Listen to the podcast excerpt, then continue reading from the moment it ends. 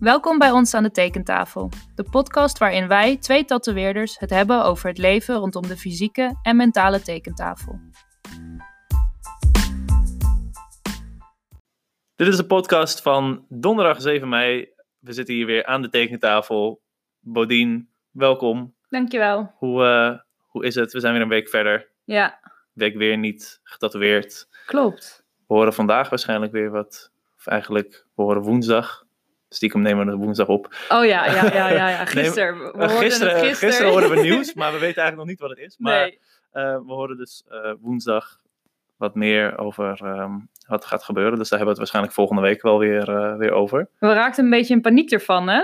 Ja? Toch? Of tenminste ik. Ja, ja. Ik hoorde van, oh ja, misschien mag je volgende week weer werken. En ik zo... Maar Ik ben er nog ik, niet klaar voor. Ik, wil- ik, wil- ik, Ja, hoe, hoe moet ik werken? Ik weet niet meer hoe het werkt. nee, ik wil nog Ja. één week chillen. Ja. ja, gek eigenlijk. Terwijl we al best wel lang niet aan het tatoeëren zijn, heb ik wel echt... Ik wil heel graag weer tatoeëren, maar het idee om weer te moeten werken... In de red race. Ja, zeg maar de, de, de gekkigheid weer erbij en de, de, de, de druk. Ik denk dat het... Ik weet niet, ik ben best wel relaxed de laatste oh, tijd. ik ook. De rust is echt... Ik kan ook ineens veel minder hebben of zo, merk ik. Als ik nu drie dingen op een dag moet doen, dan ben ik gewoon helemaal gesloopt. Ja, maar ik neem nu ook gewoon twee uur voor iets waar ik normaal Ja. gesproken tien minuten voor Ja. zou moeten nemen. Ja. Dus ja, ik ben benieuwd wat het nieuws is. En ehm, we hebben in ieder geval deze podcast nog die, eh, die doorloopt. Ja, dat is waar, ja. Dus waar gaan we het vandaag over hebben, Bodien? Ehm, nou, het leek ons wel leuk eh, om over idolen en rolmodellen, inspiratiebronnen, mensen waar je tegen opkijkt. Ja, dat soort dingen leek mij heel erg leuk om het over te hebben. Ja, Dus wat, ik weet, wat is het, de eerste, jouw eerste herinnering van iemand die je zag, hoorde of overlas waarvan je dacht van wow, van dat is een, een voorbeeld voor dat mij. is misschien niet alleen een, niet per se een voorbeeld, maar gewoon van wow, wie, wie is dit en Dat- wat een vet iemand. Gewoon de indruk. ja. Ja. ehm, ik Kan me dat dat... Ja, niet zo goed, maar... Ik heb even met mijn moeder gebeld vandaag. Die belde mij toevallig. En ik dacht, nou ja, laat ik eens vragen aan, eh, aan haar van... Mam, wat, eh, wat waren vroeger mijn idolen? Wat, Ja. eh, en zij zei meteen al... En dat is ook wel waar ik aan denk als ik aan mijn eerste idolen denk. Van, ja, toen je, toen je een jaar of tien was... Toen was je echt meteen wel super into Linkin Park. En de zanger van Linkin Park. Omdat het een soort... Dat was iets nieuws voor mij. Iets Toen al? Ja. Toen was ik tien. Wow. Hybrid Theory is uit. eh dat is al lang geleden, dat is al twintig jaar geleden bijna, dat album. Crazy. En ehm, ik kreeg dat album van mijn buurvrouw eh, voor mijn verjaardag. En ik was instantly dat ik dacht, ja, dit is mijn muziek, deze, deze sound, dit gevoel. En ik, wist, ik kon de helft van de tekst niet eens, niet eens proberen te begrijpen, maar het gevoel wat hij overbracht, toen, toen dacht ik wel, ja, dit, deze, ja, ik weet niet, hier kan ik, hier kan ik iets mee. En ik denk dat van dat moment wel dat hij een soort idool is geworden. En dat is, heeft alleen maar, is alleen maar doorgegroeid. Is dat ook je eerste herinnering van muziek die je bewust meemaakte? Nee, dat niet, denk ik. Ik heb wel. Ik ben wel opgegroeid in een gezin waar veel muziek gedraaid Ja. werd. Mijn moeder heeft een hele specifieke muzieksmaak die best wel gaat richting de. Nou wat vroegere RB, soul. Oh, leuk. Ehm, er werd heel veel Prince gedraaid, Oh, heel veel nice. Luther Vandross. Eh, mijn vader daarentegen is wat meer vanuit de wat oudere punk scene. Hm. Waar wat, nou ja, iets wat stevige muziek of, of dingen als Pink Floyd en zo kwamen Oh ja. voorbij. En een overlap in Miles Davis als Oh, in mooi. jazz. Dus ik heb een hele brede achtergrond. En dan kwam ik daar ineens met mijn takken Harry eigenlijk, de metal die toen een beetje de hoek om kwam kijken bij mij.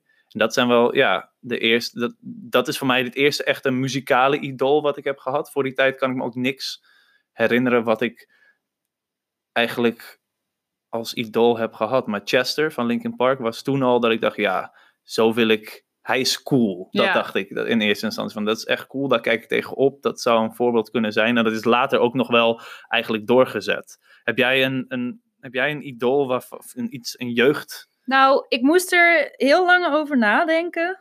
Omdat ik een beetje moe ben vandaag. Ehm, maar nu bedenk ik me ineens... Ik denk, het allereerste rolmodel dat ik me goed kan herinneren is Pippi Langkous. Ja? Ja. Dat ze tegen draads is? Of- Ja. Of, tenminste dat ze doet wat ze wil? Ze was, alle- ze was in principe een wees. Ze woonde alleen met een soort aapje. Ja. Ze, Pippi Langkous is echt... Ja, dat is, dat ik dacht, wauw, zij heeft gewoon totale scheid. Oh, ja. En ze bedoelt het niet zo. Ze fokt soms shit op. Ze Maar bedoelt het niet zo. Ze doet het per ongeluk. Ze is lief. Ze is eigenlijk heel eenzaam. Als je, als je er nu naar kijkt, best wel weirde constructie.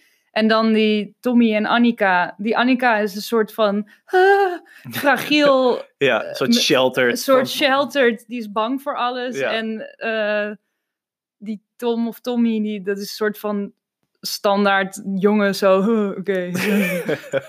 ja. Dus ik denk dat zij wel mijn eerste... ja, je bent wel een beetje een pipi Ik ben wel een beetje. En ik weet dat ik mijn haar zo wilde. En ik, mijn aap, aapjes waren altijd mijn lievelingsdieren. Dus ik was helemaal weg van het idee... eh, meneer Nielsen. Ja. meneer Nielsen. en mm, mijn eerste muziekherinnering... Ja, dat zijn vaag altijd... Denk ik de muziek waar mijn broer en zus naar luisteren. Dus Eminem en Limp Bizkit en allemaal dat soort dingen. Maar mijn eigen allereerste single die ik kreeg met mijn radio cassettespeler Ja. was Who Let the Dogs Out van Lil Bow Wow. Single. Wauw, Dus die heb ik helemaal kapot gedraaid. Dus mijn, mijn ouders werden natuurlijk helemaal gek. dat snap ik. Dat is een fucking irritant Oh, nummer. jezus. Ja, Dus ja, ik denk dat Pippi that- that's where it all started. ja. En nu, als je er nu naar kijkt, dus past dat nog steeds wel eigenlijk bij... eh Ik denk Bij dat je, dat je heel veel overlap hebt qua persoonlijk in ieder geval. Wat probeer je daarmee te zeggen? ja, ik zeg niks. Dat, eh, nee, ik zal niet durven. En eh, daarnaast, wat ook nog wel, waar ik net aan zat te denken, maar dat is meer in de zin van, nou ja, het is ook wel een soort rolmodel. Toen ik, ik was ziek een keer, ik was Mhm. denk ik zes of zeven jaar oud. En toen zette mijn stiefvader Spirited Away op. Ja, Eh, dat is een, van eh, Studio Ghibli. ja, dat is een animefilm van Studio Ghibli. En dat gaat over een meisje die, nou, er gebeurt iets met haar ouders en ze moet dan op een bepaalde plek werken om haar Nog niet ouders... alles spoilen. Ik heb, ik heb de helft niks- van de ja. film gezien, maar Maar dat is dus ook, ze is een heel klein jong meisje, maar heel dapper. En zij droeg haar haar dan in zo'n staartje. En ik had ook precies zo die pony vroeger. En op een gegeven moment kreeg ze dan zo'n soort kralen elastiekje om in haar haar te doen, die haar dan beschermde. En dat ging ik dat ook doen. Dus dat was ook wel een soort van eerste herinnering dat ik dacht van, oh, zo wil ik zijn. En het was is eigenlijk niet eens een echt persoon. Nou, ik heb dat wel met, met Ash uit Pokémon Ja, dat eigenlijk. dat ook, was ja. ook een soort, het was een soort held, een soort Ja. avontuur, iemand die op avontuur ging, waar je tegenop keek, wat je dacht, wauw, dat is wel echt, ja, dat is wel gek eigenlijk hoe je daarover nadenkt. ja, En ja, dat, ja in, in, ik denk dat het vroeger, het is wel veranderd natuurlijk, maar ik denk wel dat er altijd een soort van... dat is nu jeugdsentiment Ja. eigenlijk. Ja, nu kijk je terug van, oh, dat was vroeger, was dat, was dat zo en zo.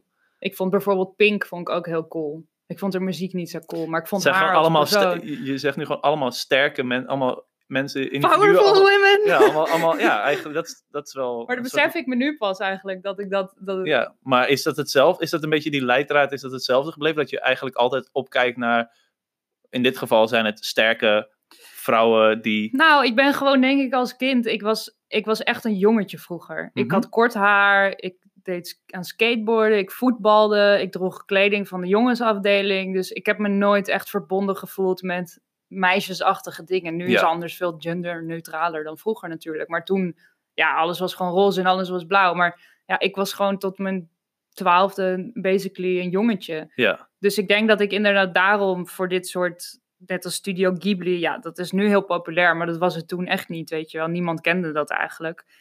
En ja, Pippi Langkous is ook niet een standaard meisje. ja. En, Een beetje afwijkend van de norm. Ja. Omdat je zelf ook afweekt ja, van de ja, norm. ja, ja, idee. zeker. Ja, ik heb, ik, ik, dat was grappig. Net toen ik mijn moeder aan de telefoon had, zei ze ook altijd van... Ja, je had niet echt een heel duidelijk idool. Je was altijd wel een beetje een soort buitenbeentje. Je was graag zelf dingen aan het ontdekken en, en anders bezig dan anderen. En ik denk dat dat ook wel is hoe dat reflecteert in wie ik als voorbeelden heb gehad. En net als ik zeg, Chester van Linkin Park was iemand die zich heel erg uitsprak over hoe hij zich voelde. En wat eigenlijk misschien toch niet helemaal normaal is als je gaat kijken naar de rol van, van de traditionele rol van een man. Dat je, die moet sterk zijn en die mag niet over zijn gevoel praten. En hij deed dat wel. Ja, dat zeker. En, en hij stelde zich heel kwetsbaar op in zijn muziek. En dat is iets. En plus het uiterlijk Ja. ik, ik ging ook wel af op het visuele effect. Want hij zag er wel uit van, hey, ge- gekleurd blond haar. Maar dat was toen de tijd niet zo raar. Dat hadden heel veel, Ja, heel veel artiesten uit de jaren 90, 2000 zagen er ja zo zeker. uit. Maar Alles was, het was voor mij- stekeltjes. voor mij was het echt dat ik dacht, wauw, ik, ik, ja. ik, heb, ik heb frosted Ja, tips ziet er nog steeds zo uit. Ik zie er ja, ik, eh, ik ben blijven hangen in de jaren 2000. Dat, eh, ja, Nee, maar dat, dat, daar draait natuurlijk ook, on- ondanks dat Linkin Park natuurlijk wel een soort mainstream was. Maar het was een soort van mainstream voor de mensen die zich dan niet bij de andere mainstream Ja. wilden aansluiten. ja het, het begon als iets wat een beetje op de achtergrond, een beetje buitenbeentjes idee. En het werd steeds breder geaccepteerd. En er kwamen er hitjes en zo. Maar voor mij was het wel, ja, ik weet niet, nog steeds eigenlijk. Het is nog steeds als mensen aan mij vragen, wat is je favoriete band? Ja, maar ik denk, ja, ik denk ook hoe ouder je wordt, hoe, hoe, Ik begrijp hoe het de meer. feels Ja, binnenkomen. ja, ja. En, en Ja, dat heb ik met veel muziek, veel muziek die ik dan toen ik 12, 13 was, als je een soort van tienerbrein krijgt en Ja. alles super zwaar en kut is. Dacht ik toen dat ik die muziek begreep. Maar nu ga ik er naar luisteren en denk ik, wow, dat is, oh my ja, god, deze muziek is echt Ja. heel sad. Ja. ja, we hoeven het natuurlijk niet, al- als we het over idolen hebben en voorbeelden in ons leven, hoeven we het natuurlijk niet alleen te hebben over muziek. Films hebben heel veel indruk Ja? op mij gemaakt, ja. Ja, en eh, dat is de eerste film die ik altijd benoem, en het is misschien een cliché, ik weet het niet, maar dat is The Breakfast Club. Ik heb die film nog nooit gezien. Wat? Dat is de films. Ja. De, de moeder van alle coming, eh, coming of age. eh, Ja, die, heb ik, die kreeg ik voor mijn verjaardag toen ik ja, een jaar op elf was, denk ik. ja. Die had ik dus op DVD. En ik heb die film 36 keer gezien. Ik was heel veel ziek als kind. Ik heb heb je het hem geteld? één keer op één dag elf keer gezien. El- el- Ja, ik heb een soort rare tik met dingen die ik heel ja, leuk vind. dat, dat blijkt. Elf keer op één. Wauw. Ja, en daar zat zo'n character in en eh, die heette Allison. En die, dat was ook weer een super weirde chick die ergens achter in een hoekje zielig zat te doen. Very relatability. ja, dus ik dacht van, uit. Dat ben ik. Ja. En die droeg Converse, weet ik nog. Toen ben je zeker... Toen ging ik ook ja. Converse kopen. Ja, zo Ja. ging dat. Bij Ja. jou? Ja, ehm, Wat is de eerste film die, eh, eerste ik weet waar je niet. mee kon verbinden? eh, in Weet dat ik niet. Nee? Ik kan me Dat kan. niet- Of serie? Pokémon dus? Ja, maar dat is natuurlijk heel lang geleden. Ja. Dat was echt toen ik een jaar of acht was, denk ik. Daarna, ik weet het niet zo goed. Ik kon me altijd heel goed vinden in buitenbeentjes. En Ja. Mensen die Ja, ja, dat had ik ook. met Ja. grotere verantwoordelijkheden opgezadeld werden dan dat ze eigenlijk zouden moeten. Dat idee? Nou ja, maar dat, dat is dus het leuke aan die Breakfast Club. Daar zitten dus, eh, die characters die daarin zitten, zijn heel erg uitvergroot. En Ja, daar gaat dat ook over. Dat er alle type soorten mensen zijn. Ja. En daar, dat ze uiteindelijk samenkomen om het feit dat het, het niet uitmaakt wat voor type mens je bent. Of wat voor achtergrond je hebt. Je altijd wel. aansluiting kan vinden of zo Ja. met elkaar. Ja. Ja, nee, ik moet hem nog zien. Ik, eh, er zijn een hele staat op hoop... Netflix nu. Net als Studio, Studio Ghibli, al de, alle films. Ik heb daar ook een ja, maar anderhalve dat, film daar moet gezien. je echt van houden. Ik snap wel, dat heb ik vaker met mensen geprobeerd te kijken, anime. En de mensen haken gewoon af. Het moet je interesseren of het interesseert Ja, je snap niet. ik, wel. ik vind het wel leuk, maar ik heb gewoon eigenlijk... Ik vind, het is zoveel om te kijken. Ja, maar je moet gewoon met films. Spirited Away eh, beginnen. dat Nou, is die de, ga ik nog kijken. de mother of all. eh, Maar als we dan hebben, jij, eh, ehm, we hadden het dan over rolmodellen die geen muzikanten zijn. En dan films, acteurs, personages. Heb je ook nog, ja, hoe noem je dat? Publieke figuren waar je tegenop kijkt. Of, ik heb bijvoorbeeld ehm, Rodney Mullen, is, Ja, een, is een professionele snap skateboarder. snap ik, ja. Die voor mij, ik, ik hou van skateboarden. Hij is zo schattig. Heb je die TED-talks van hem gezien? Ja, daarom. En hij, is, Oh. hij, hij kan dus, en naast dat hij echt, hij is de godfather of street skateboarding. Ja. Hij, heeft, hij krijgt de credit voor het uitvinden van de ollie, de kickflip, de heelflip, de three. Alle, alle eigenlijk dingen die de basis van het street skateboarden, alle trucjes en zo, die worden eigenlijk aan hem toegeschoven. Omdat hij als kind zijnde zo out of the box kon denken. En in zijn eentje dat allemaal deed. Ik denk dat het voor mij heel eigenlijk een, de, de idolen en zo zijn vaak mensen die zich die alleen dingen uit moeten vinden. Want hij heeft dat in zijn eentje in de garage heeft hij dat gedaan. Hij heeft, zijn vader was tandarts en hij had beloofd, omdat die, die vader die behandelde volgens mij dan ook kids die op hun bek waren gegaan met tanden eruit en zo. En die heeft Ah. gezegd, Dat Dat mag je, je je mag niet skateboarden. Nee. De, de eerste keer nadat je een ongeluk hebt gehad, moet je stoppen. En hij heeft dus altijd met vette bescherming en eigenlijk zichzelf zo uitgevonden dat hij nooit onderuit ging. Zo perfectionistisch daarnaar keek en zelf dingen uitvinden. En ik weet niet, ik vind dat hoe hij daar dan over praat, ook nu, weet ik veel, 30, 40 jaar later, Ja, hij heeft echt... vind ik Ja. echt bizar. Hij heeft zoveel invloeden gehad Ja. in, in meerdere aspecten van, van die wereld. En ook de manier waarop hij daarover praat is gewoon heel inspirerend. En hij heeft ook bepaalde tegenslagen gehad, fysiek gezien, waardoor hij moest leren hoe hij eigenlijk in plaats van, nou ja, in plaats van dat jij rechtshandig bent, ineens linkshandig moet gaan werken. Waardoor hij dus alles met zijn hoofd eerst heeft uitgedacht en daarna fysiek de toepassing heeft gedaan. Ik vind, ik vind dat heel Ja, dat is heel inspirerend bijzonder, ja. hoe iemand dat. Zo'n leuke... eh, Vice heeft zo'n eh, een, een skateboarder-serie, Ja. Epically Later. Daar heeft, eh, heeft, heeft hij ook een aflevering Ik in. weet nog niet of ik dat heb gezien. Ja, die moet je echt Ik zien allemaal. Dat is echt heel leuk. Ik kan nog wel even kijken. Ben Margera was ook wel een, niet een rolmodel, maar ik vond... Sorry, omdat cool. ik heel jongensachtig was, ik, ik vond Jackass heel vet. Ja, Ik vond Ben Margera, eh, Viva la Bam vond ik heel vet. Ja. Daar, daar dat dacht ik echt, wauw, ik wil dat ook. Maar dat, kan, dat kon niet als meisje. Toen niet. Nu kan dat wel, denk ik. Maar Ja. toen was dat echt weird, hoor. Als je dat leuk vond. soort van one of the guys idee. Ik was ook altijd one of the guys, ja. We, ja, we hebben het net natuurlijk gehad over jeugdidolen en dingen die je vroeger. Mensen die je. Vormde, Ja, nou ja, dat, eigenlijk hebben we het daar niet zo heel erg over gehad. Nog over wie je tot nu toe hebben beïnvloed. Als in, het hoeft natuurlijk niet dat je dat een idool is waar je helemaal tegen opkijkt, maar mensen die bijvoorbeeld dingen hebben gezegd of dat je bepaalde periodes hebt gehad. Ik heb heel veel verschillende periodes gehad qua muziek, qua zelfexpressie, qua wat ik wilde worden. Dat is allemaal door de tijd heen veranderd en ook eigenlijk mijn soort van rolmodellen daarin. Het is wel een soort constante lijn geweest, maar niet.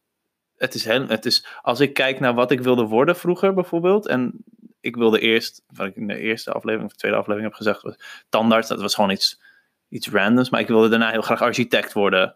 Daarna wilde ik heel graag industrieel ontwerper worden. En dat heb ik heel lang volgehouden, die gedachte. Totdat ik erachter kwam dat ik dat niet kon, omdat ik de wiskunde niet aan kon op de middelbare school Nee. eigenlijk. En toen ben ik een beetje gaan kijken, wat wil ik dan wel?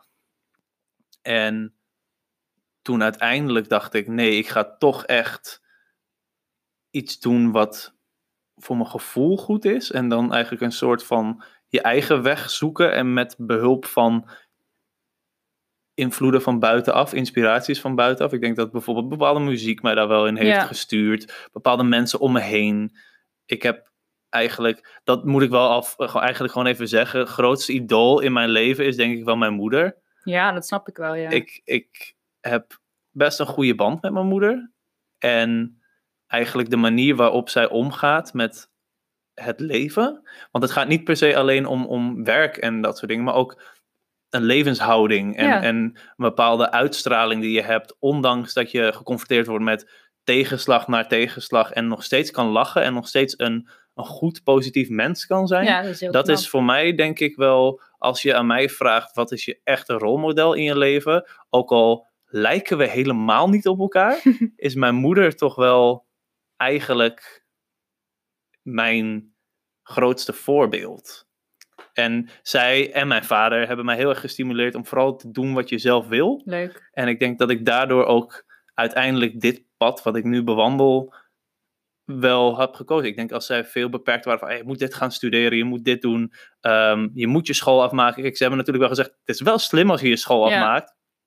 Maar uiteindelijk kies je er zelf voor wat je ermee gaat doen en ben je je eigen persoon. En ik denk dat dat een van de dingen is die ik meeneem van je bent je eigen persoon, je kunt je eigen beslissingen maken, je moet je eigen gevoel vol- volgen.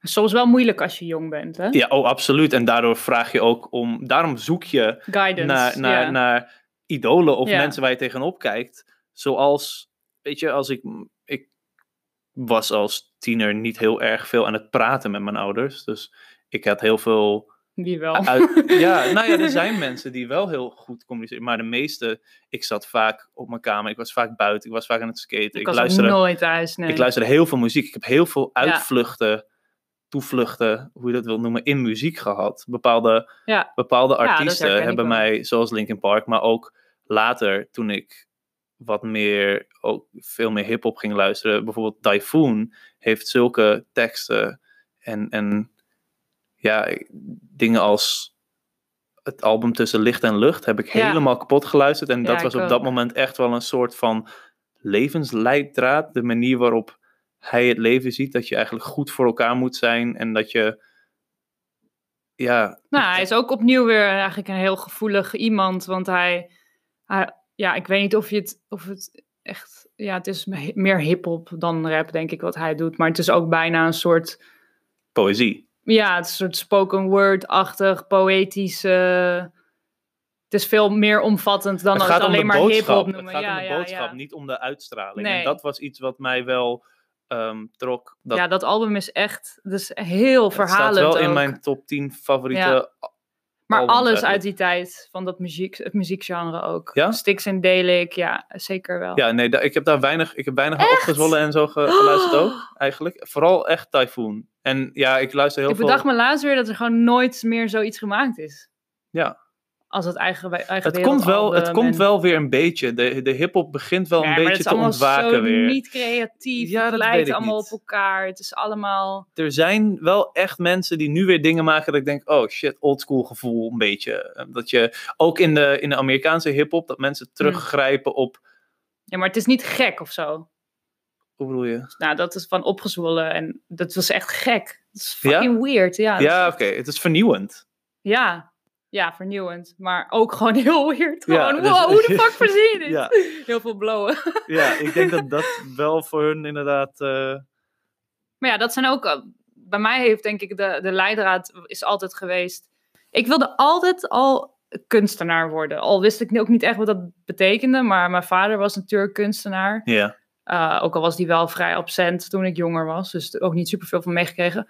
Ehm, Maar, Maar- was je vader, je zegt ik wilde graag kunstenaar worden en mijn vader was kunstenaar. Was jouw vader dan ook een rolmodel voor jou? Of was het meer een soort, niet. soort dat je daardoor een bepaalde focus Nee. kreeg op wat je wilde? Nee, want mijn ouders zijn al sinds ik me kan herinneren gescheiden. Dus ik heb helemaal niet zo bewust dat, dat gedeelte van zijn leven meegemaakt. Eigenlijk pas veel later besefte ik me pas wat voor leven hij had gehad. En nu vind ik dat heel erg interessant. Maar Ja.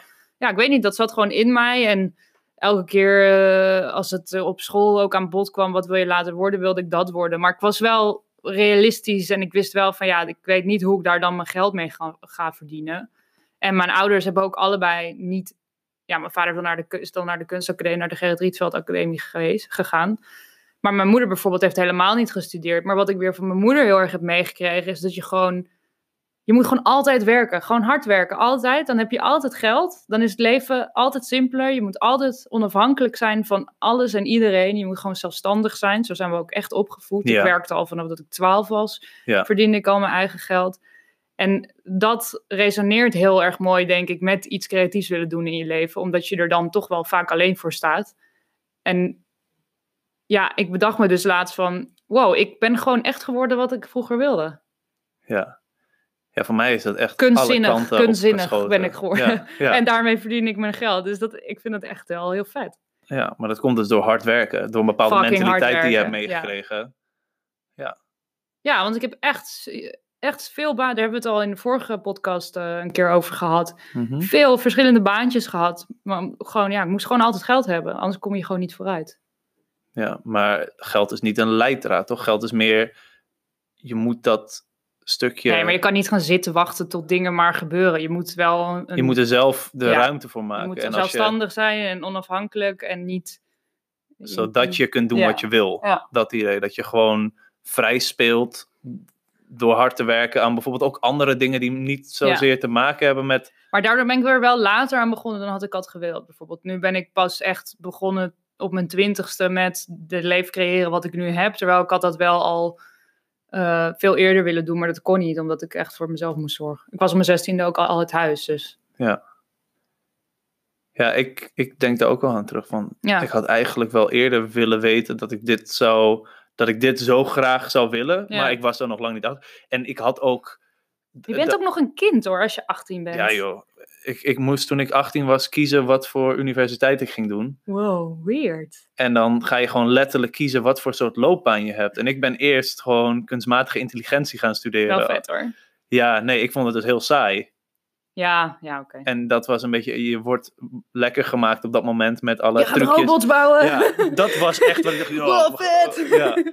Nee, dat was echt wat ik dacht. Je wordt een soort lekker gemaakt met, van, door, door bepaalde instanties van dit kun je worden. En dan kom je erachter dat het Ja. helemaal niet zo is. Dat je toch voor jezelf moet werken. En dat je toch je... Dat had ik dus met, want ik heb twee jaar kunst en economie op de HKU gedaan. En dat kwam omdat mijn moeder op een gegeven moment me wel belde en zei van, luister, ga gewoon studeren. Ga het gewoon doen. Ik heb het nooit gedaan. Doe het gewoon. Je krijgt studiefinanciering. Ga het gewoon doen. Mhm, Oké. ja. En toen vond ik dus die studie kunst en economie. En daar werd je dus inderdaad helemaal lekker gemaakt met... eh, ja, en eh, we gaan je leren je eigen onderneming op te zetten in de creatieve sector. Eh, je de- leert eh, projectmatig werken. Je leert eh gedeelte marketing, bla bla. Dus ik dacht, nou, wauw, dit is Dit de is het. opleiding voor mij. Nou, wat een useless opleiding. Ja. echt. Het enige wat ik daar nuttig heb geleerd is hoe ik nu mijn boekhouding doe. Dat is echt. Ik zou wel willen dat, Dat ik dat gedeelte geleerd. mee heb En gekregen. een stukje marketing.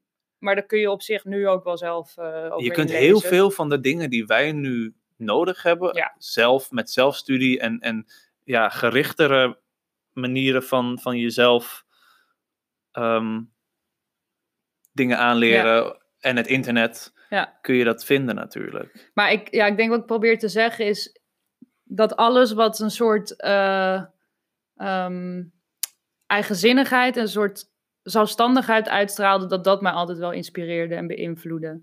Ja. Ja, ik heb dat ook. Ik, ik, voor mij, ik denk dat dat in dit vak, wat wij nu doen, Ja. omdat we dingen creëren vanuit jezelf sowieso. en als ondernemer, Ja.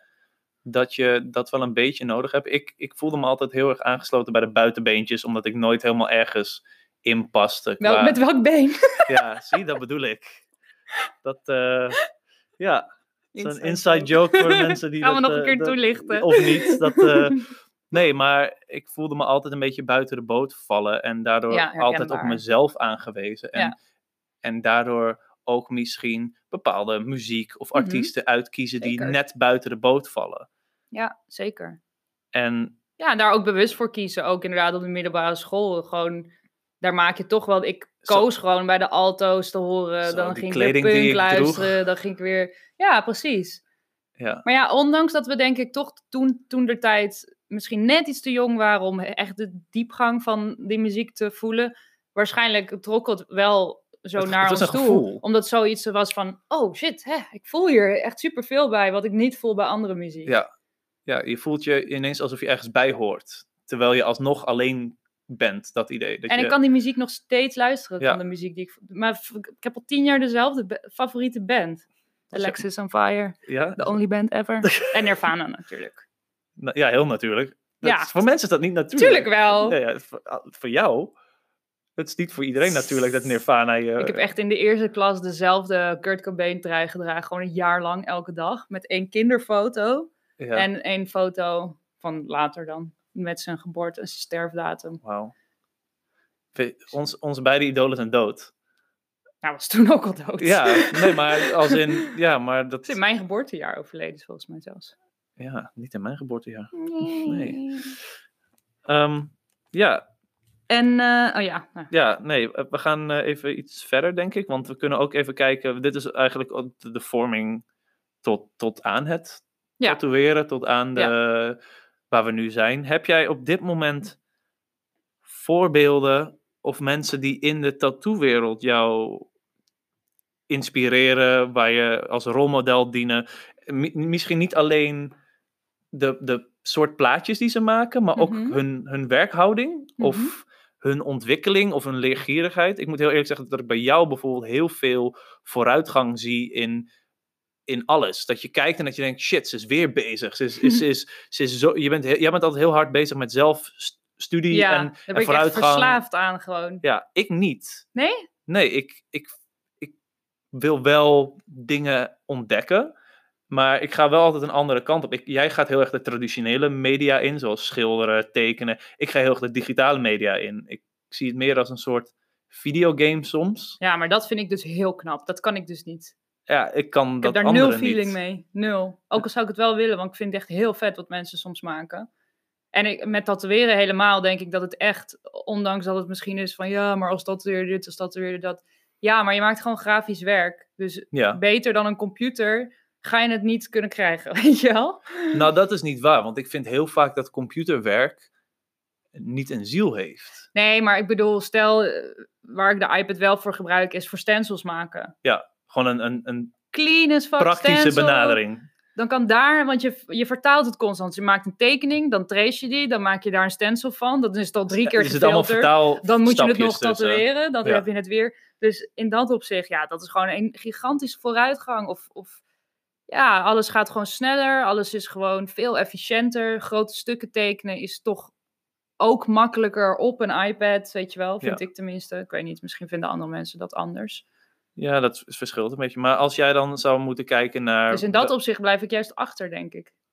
hoe- Nou ja, je gebruikt de tools die je handig vindt. Ja, dat is waar. Dus jij kiest gewoon de, de dingen, maar voor, voor de rest je focus je volgens mij het liefst op traditionele media. Ja, ik, vind- ja ik, vind, ik vind dat gewoon heel interessant. Dat je ziet daar ook meer vooruitgang in, denk ik, dan als je digitaal werkt. Ja, ik denk dat in digitaal die stapjes Anders. minder zichtbaar zijn. Ja, Klein, die lijken kleiner, Ja. maar, en je moet er een soort van, ik weet niet, meer voor zoeken. Dat ieder, ik weet niet, ja, het is een beetje, ik vind het altijd lastig. Bij mij Hmm. denk ik, oh ja, dit is wel nicer dan de vorige. En dan kijk ik Nou, een half is, jaar eh, geleden en dan denk ik, het ziet er bijna hetzelfde uit. Ik denk dat er bij digitaal werken toch een, een duidelijker pad is om te bewandelen ook. Ja, denk je dat je, Dus als je, de, ik wil dit bereiken. misschien ben je wel sneller ook op een bepaald punt. Dat het plafond wat, Nou, Je bent sneller bij het plafond, dat denk ik wel. en dat je daar niet zo ver, je kan jezelf moeilijk opnieuw uitvinden. Ja, omdat je eigenlijk gelimiteerd bent aan de opties van bijvoorbeeld een programma waarin ja. je werkt. Maar dat heb je ook met traditionele media. Je, je, kan, je gebruikt nog steeds een kwast.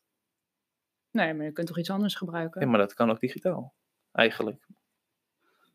Ja, ik, ik, het is denk ik, het heeft veel meer met feeling te maken dan misschien met, met, Ja, met eh, ik vind het mooi om te zien wat iets doet op wat bepaald materiaal doet. Ik vind het, het voelt anders. ik weet niet, ik ben ook gewoon, ik ben voel me gewoon verbonden ook met, met kunst en schilderijen aan zich uit een bepaalde tijd en daar hoort digitaal gewoon niet bij.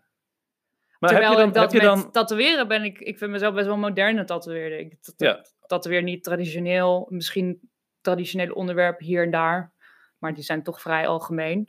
Maar ik, ik, ik, hou, van, eh, ik hou wel van moderne tatoeages, qua stijl en zo. als we even terugpakken op het onderwerp van deze Ja. aflevering, idolen, we dwalen telkens een beetje af. Ah, maakt er niet uit. Dat is niet erg. Maar jij hebt het dan over verbondenheid met schilderijen en uit bepaalde periodes. Heb jij bepaalde schilders van vroeger of van nu waar jij tegenop kijkt? Waarvan je zegt dit werk of de werkhouding? Ja, nou ja, dat is, nou, dat is wel grappig dat je het zegt, want mijn favoriete tijd is eigenlijk de tijd van de impressionisten. Ja, En dat is, het is niet een stijl, het is meer een stroming eigenlijk. En dat is een groepje schilders uit Frankrijk. Dus eh, de bekendste zijn eh, Monet, Degas, Renoir. En die gingen zich dus afzetten van de kunstsalon. De kunstsalon in Parijs, of, die bepaalde of jouw werk geschikt genoeg was. Dan kreeg je een vinkje. een en soort dan, eh, keurmerk. een soort keurmerk. Dus daarom was alles altijd heel flowy. En vrouwen waren heel mooi en alles. Het was net alsof het niet geschilderd was. Je mocht geen, weet je wel, je mocht geen menselijkheid erin zien. Het moest perfect zijn. Ja, En op een gegeven moment eh, kwam het kwam ook omdat er een soort vooruitgang was in, in materialen. Dus er kwam verf in tubes en dat soort dingen. Konden schilders dus naar buiten gaan en konden ze dus. De, de canvassen werden ook kleiner bijvoorbeeld. Dus er, er werd zo'n hele switch gemaakt. En eh, die werden dus ook niet geaccepteerd op die salon. En die dachten gewoon: oké, fuck it dan niet. Dan beginnen we wel onze eigen groep. Weet je dat en- het heel erg terugkoppelt naar zelfs naar Pipi Langkous? Dat ja, ze doet wat ze ja, wil? nu pas besef ik me dat. Van, Dat het eigenlijk- dat, Wat epic. Want, want ik heb het gevoel dat toen ik net die vraag stelde, dat we gingen kijken naar de stijl van de schilderij. En nu gaat het ineens om de En achterliggende het gedachte. resoneert nog verder zelfs, want wat ik er helemaal nice aan vind, wat ik bijvoorbeeld niet nice vind aan moderne kunst, is dat al die schilders wel een klassieke training hebben gehad. Dus skill-wise en technisch-wise zijn ze gewoon top-notch. Ja, En toch kiezen ze voor een bepaald eh, pad, wat misschien niet toen de tijd als klassiek werd gezien. Snap je? In plaats van dat, eh, daarom is Picasso ook interessant. Hij heeft ook klassieke training gehad en is daarna gaan doen Maar wat bewust doen. afwijken. Ja, bewust afwijken. In plaats van zeggen, ja, maar ik, ik maak gewoon abstracte kunst. Ja, oké. ja, ik heb dat heel iedereen. erg veel met bijvoorbeeld tatoeëren. Als mensen Ja. vragen hoe je dat doet. En zo, ik zeg, je moet en mensen vragen, ja, ik wil graag mijn eigen stijl ontwikkelen. En dan zeg ik heel vaak van, leer eerst alle regels kennen en de technieken kennen. Zodat je daarna kunt kiezen van welke regels Ja. je afwijkt eigenlijk. En dat is een beetje wat jij nu ook daarin beschrijft. Dat is de vuistregel van goed in iets worden, denk ik hoor. Eerst alle, de eerste basis en dan dat uitbreiden en dan Ja, zelf tuurlijk. kiezen. Ja, ik, ja. In alles. In sport denk ik ook. eh, je techniek Ja. moet goed zijn. Je, je, ja. En, En dan ook- kun je een tactiek bedenken. Ja. of Zo. ja, ik denk wel dat techniek en tactiek, denk ik. ja, en heb jij dan En bij jou dan? Wie, Bij mij? wat- wie, wie, bij mij wat? Wie zijn jou, nu jouw inspiratiebronnen, jouw, jouw idolen? Je hebt een paar eh, eh, dingen van een illustrator in je woonkamer hangen, Ja. bijvoorbeeld. ik ben fan van bepaalde mensen. Ja, Dat, dat idee. Dat hoeven niet per se voorbeelden voor mij te zijn, maar gewoon dat ik het kan waarderen wat ze maken. Ik heb van, het doet je wat, ja. in mijn woonkamer hangt inderdaad van Chris Murray wat aan de muur. ehm, van, Echt heel vet, ja. Dat is een illustrator uit Amerika. Die maakt eh, hele mooie soort comic-achtige tekeningen. Dat komt wel heel erg overeen met de- mijn persoonlijke smaak, Ja. wat wat grafischer is. Ik heb een hele hoop werk van tatoeëerders aan de muur hangen.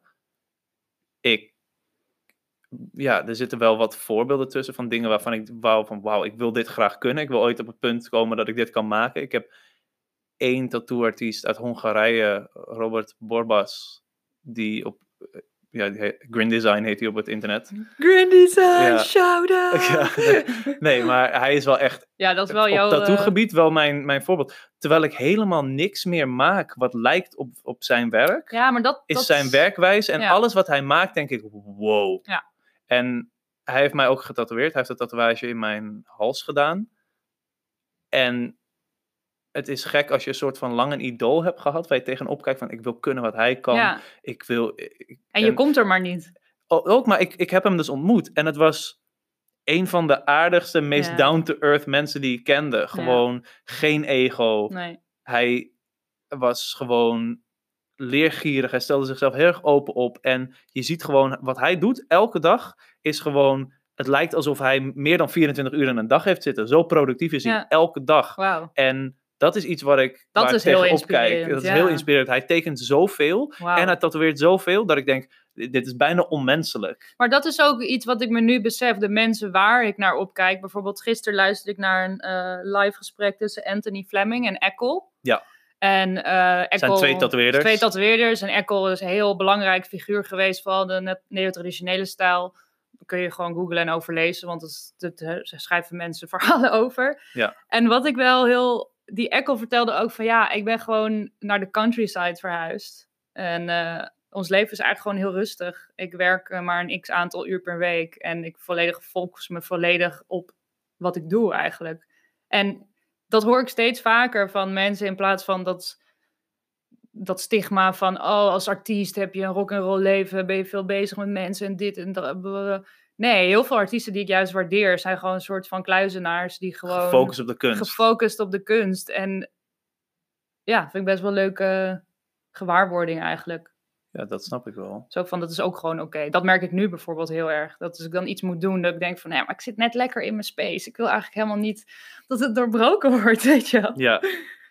Ja, ik, Dus in dat opzicht heb ik denk ik meer eh, in, ja, hoe, hoe iemand, de visie van een bepaalde artiest kan ik wel heel erg waarderen. Ik vind het nu even moeilijk om op te noemen met dat weer. Dus ja, ik kan er wel zo 10 miljoen ja, ik heb een die- hele hoop artiesten waarvan ik denk, dat werk is mooi. werk is heel vet. Maar ik weet natuurlijk niet hoe ze zijn in het echt. Ik Nee. weet niet hoe ze dingen doen. eh, Ik heb ook wel bepaalde mensen ontmoet in, in, in de muziek of in het tatoeëren, dat ik dacht, dat ik eerst tegen ze opkeek en dan ontmoet je iemand Mm. of dan kom je meer mm. te weten van iemand zijn motivatie. En dan denk je, ja, dit sluit toch niet helemaal aan. En dan, en dan kijk ik ook ineens anders naar het werk bijvoorbeeld. Ja, ja. Je luistert naar de Tekentafel. Je kan ons vinden op Spotify onder De Tekentafel en volg ons op Instagram at detekentafel.podcast.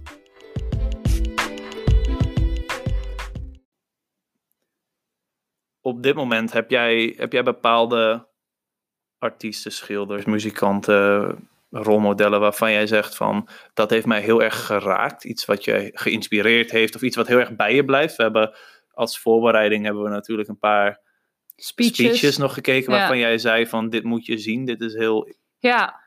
Ja, het- heel belangrijk voor mij. Of heel in ieder geval, het was heel emotioneel. Ik, ik, ik, ja oh, ik moest me echt wel. inhouden. Ik zat Ja. echt zo niet huilen, niet huilen, niet huilen. het was heel emotioneel. Dat, Ja, dat was van Halsey. Halsey. Halsey.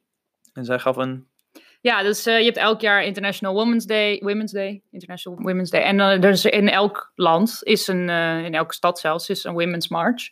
Mhm. En dat gaat over verschillende dingen. Iedereen mag daar lopen voor wat, wat hij wil. En zij, zij heeft daar een speech gehouden. eh, 2018 was deze speech. is dat niet van afgelopen jaar? Volgens mij stond het Oh, 2018. nou moet je gewoon even op YouTube intypen. Halsey, ehm, A story volgens- like mine? ja, a story like mine. Dus een verhaal zoals de mijne. En ja, dat, dat, dat gaat gewoon over dingen waar ze tegenaan is gelopen, die specifiek te maken hebben met het feit dat ze een vrouw is. En eh, ik begin steeds meer te beseffen dat inderdaad elke vrouw zo'n verhaal heeft. En dat het helemaal niet normaal is of zo. Ja. Eh, terwijl dat is echt iets van deze tijd, dat we ook leren dat dingen gewoon helemaal niet normaal horen te zijn.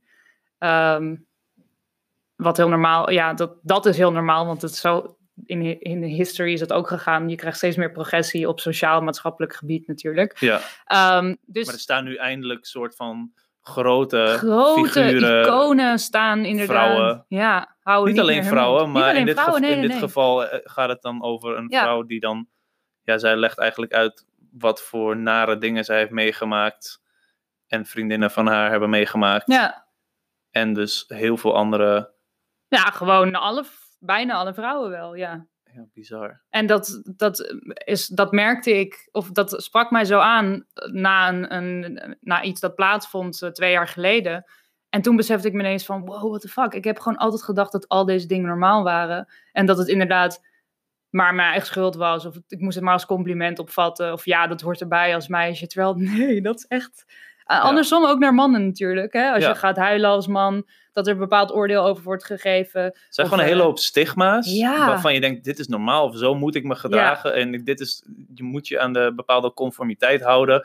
Terwijl dat helemaal niet zo is. Er wordt een bepaald stempel gedrukt op mensen. Hele op, misselijkmakende dingen. op, op Kleinerende dingen, ja. Ja. Maar ja, zij geeft inderdaad. Ik, ik, Ja. ik vond dat een hele mooie. Ik, ik raad het ook wel aan om mensen om dat even te kijken. Het is een soort eye-opener, inderdaad. En het is gewoon heel. Ja, het is heel emotioneel. Het raakt wel, inderdaad. Ja, ik zit even aan een mannelijk rolmodel te denken die iets soort gelijks doet, maar nou, ik dan had, vanuit mannelijk oogpunt. mm, ik had wel iets wat eigenlijk gaat over gelijkheid. Mhm. In dit geval gaat het over on- wat jij zei, een soort van oneerlijkheid. En, en dingen die gebeuren die niet zouden moeten gebeuren. Ik, wij zijn samen de hele tijd terug naar een concert geweest van Straight from the Path. En Mhm. de, de leadzanger van die, nou dit is een, voor de mensen thuis, soort van metalband. Harde, harde muziek in ieder geval. Met een hele politieke insteek. Eh, heel erg, Harry! Nee, Ja. nee valt wel mee. ja, dat ligt er maar aan wat je gewend bent. Een van mijn favoriete bands in ieder geval. En hij gaf een, eh, een speech over hoe zij eigenlijk iedereen welkom heten. Welke kleur je ook hebt, welke geaardheid je ook hebt. Je bent altijd welkom bij hun shows. En op een of andere manier bracht hij dat zo dat ik dacht van wow. En ik keek ook om me heen. Ik dacht, we zijn hier met allemaal verschillende mensen. die allemaal met dat. één soort van passie en gevoel bij elkaar komen. En daarna, weet je, Ja, want met hetzelfde motief ook. ja, maar de sfeer is gemoedelijk. Ja. En ik merk dat, dat, dat er zo'n grote verdeeldheid soms is, dat je gewoon. Ik, ik zou willen dat dit door meer mensen gehoord Ja. werd. En dat meer mensen zoiets hebben van: jongens, gedraag je even normaal. Denk aan elkaar. Doe eens normaal. En dan is de wereld een, een mooiere plek. Maar daarom is die verbintenis, die muziek en film en de kunsten in, in het algemeen, daarom is het zo belangrijk, omdat het die verbintenis creëert. Ja.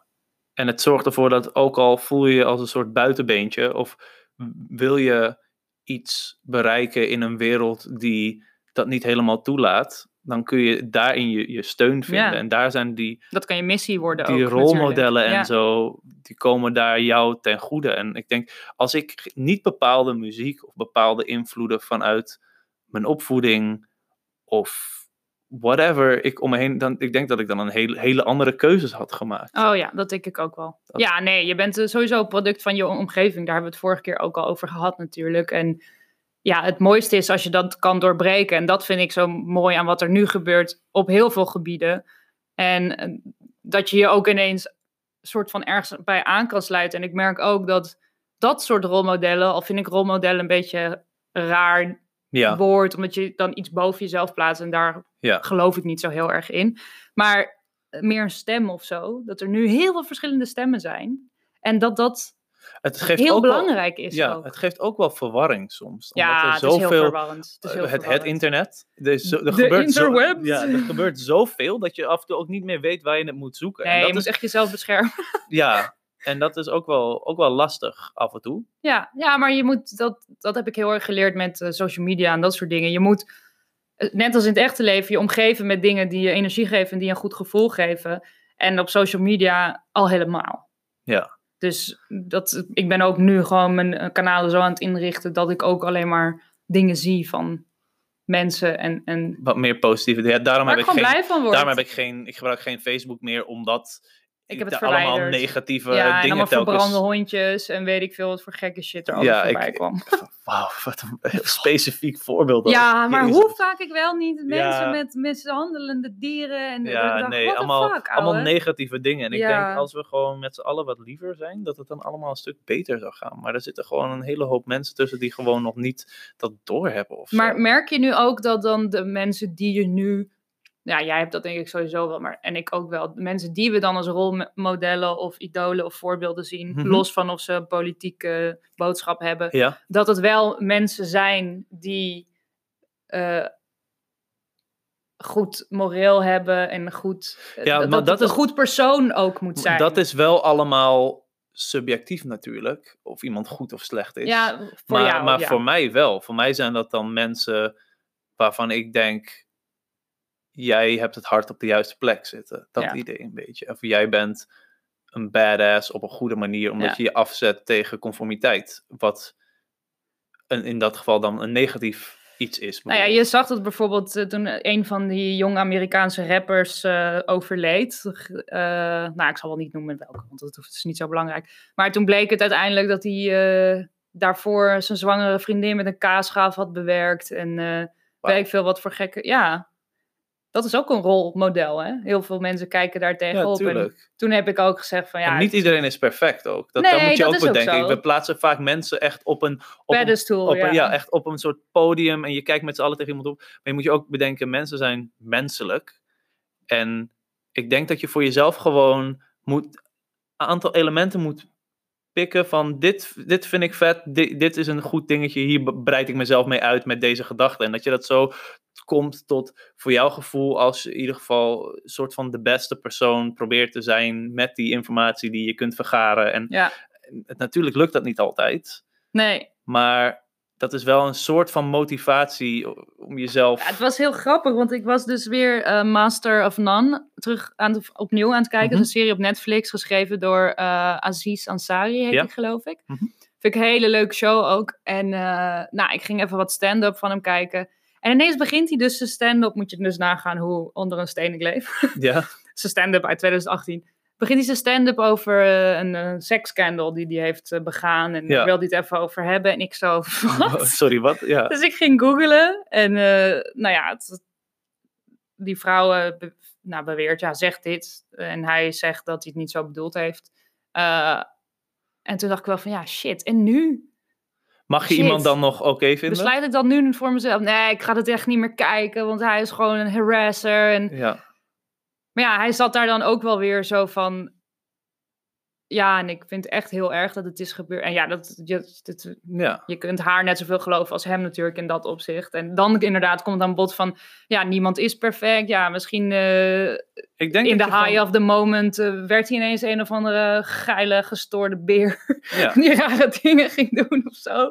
Nee, ik denk dat je van, van, van de mensen die je, die je op, een, op een podium plaatst, gewoon de bepaalde dingen die voor jou toepassing hebben, kunt pakken. En je hoeft dit niet met iemand met al zijn uitspraken eens te zijn, Nee. bijvoorbeeld met al zijn Met zijn daden. acties. Maar ja. je kan wel gewoon, weet je, je moet geen god maken van iemand. Nee, Maar je kunt wel gewoon voor jezelf daar lessen uitpakken. Ja. Ik denk dat dat het belangrijkste is. Dat je gewoon Ja, de dat is goede een dingen mooie, ja. dat je voor je, voor je rolmodellen gewoon de, de dingen eruit pakt van dit spreekt mij aan, Ja, eh, dit misschien niet, maar dan kun je dat ook aan de zijkant liggen. Je hoeft niet, niet alles wat bepaalde mensen waarvan ik zeg dat is een idool van mij hebben, ge- sommige dingen die ze hebben gezegd, denk, ben ik denk ik echt, ik ben het er absoluut niet Ja. mee eens, maar Nee. met de rest wel. Dus Ja. dat, ja, dat, ik denk dat je zo voor jezelf eigenlijk in je hoofd een beetje je beeld van, nee, dat is, ja, ook met die Halsey bijvoorbeeld, die speeches doet ze echt, wauw, ik ben er echt heel erg van onder de indruk. ja, Maar als ik, ja, als ik haar dan haar muziek zie en die videoclips, dan denk ik, ja, ik vind dat dan ook wel weer heel voor de hand liggen, weet je wel. Ja. Zij ligt ook gewoon in een string over de grond rollen. En dat kun je dan als feminisme zien. Maar het is ook heel makkelijk. Het is heel Ja. voorspelbaar.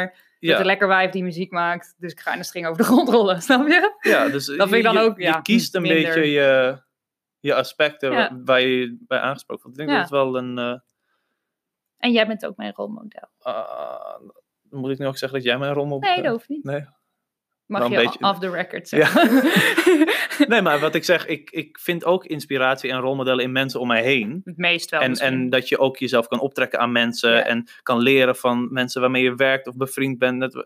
Van jou heb ik heel veel geleerd, van mijn andere collega's waarmee ik samen heb gewerkt, waar ik nu samen mee werk, heb ik heel veel geleerd. Mensen die pas net komen kijken, Ja. mensen die al twintig jaar in het vak zitten. Over verhalen die mensen vertellen raak ik al geïnspireerd. Ja. Inderdaad.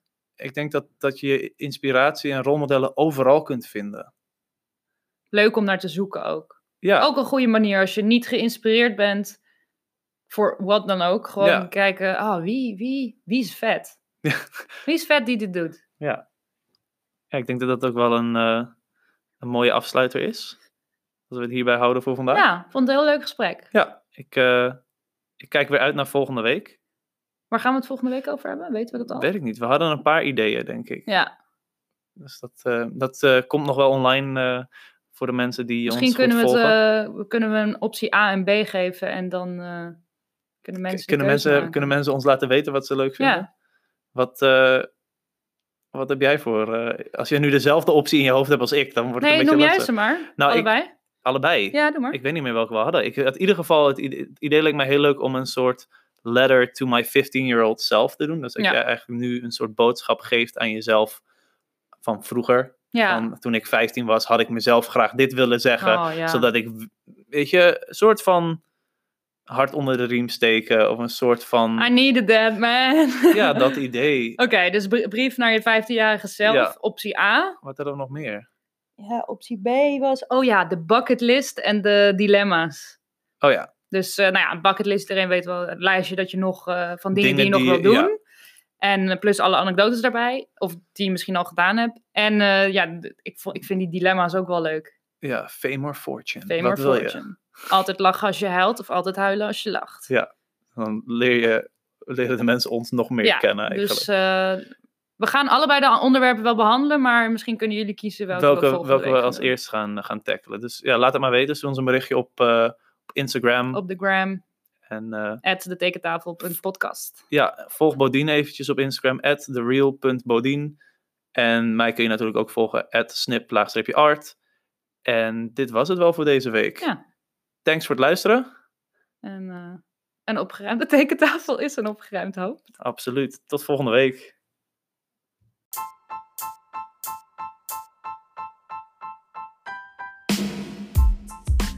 Bedankt voor het aanschuiven met ons aan de tekentafel. Volgende week is er weer een nieuwe aflevering online. En in de tussentijd kun je ons vinden op Spotify onder De Tekentafel en op Instagram at detekentafel.podcast. Gewoon te moe. Ik hoop zo dat hij dat heeft opgenomen. Eigenlijk wel. Oké.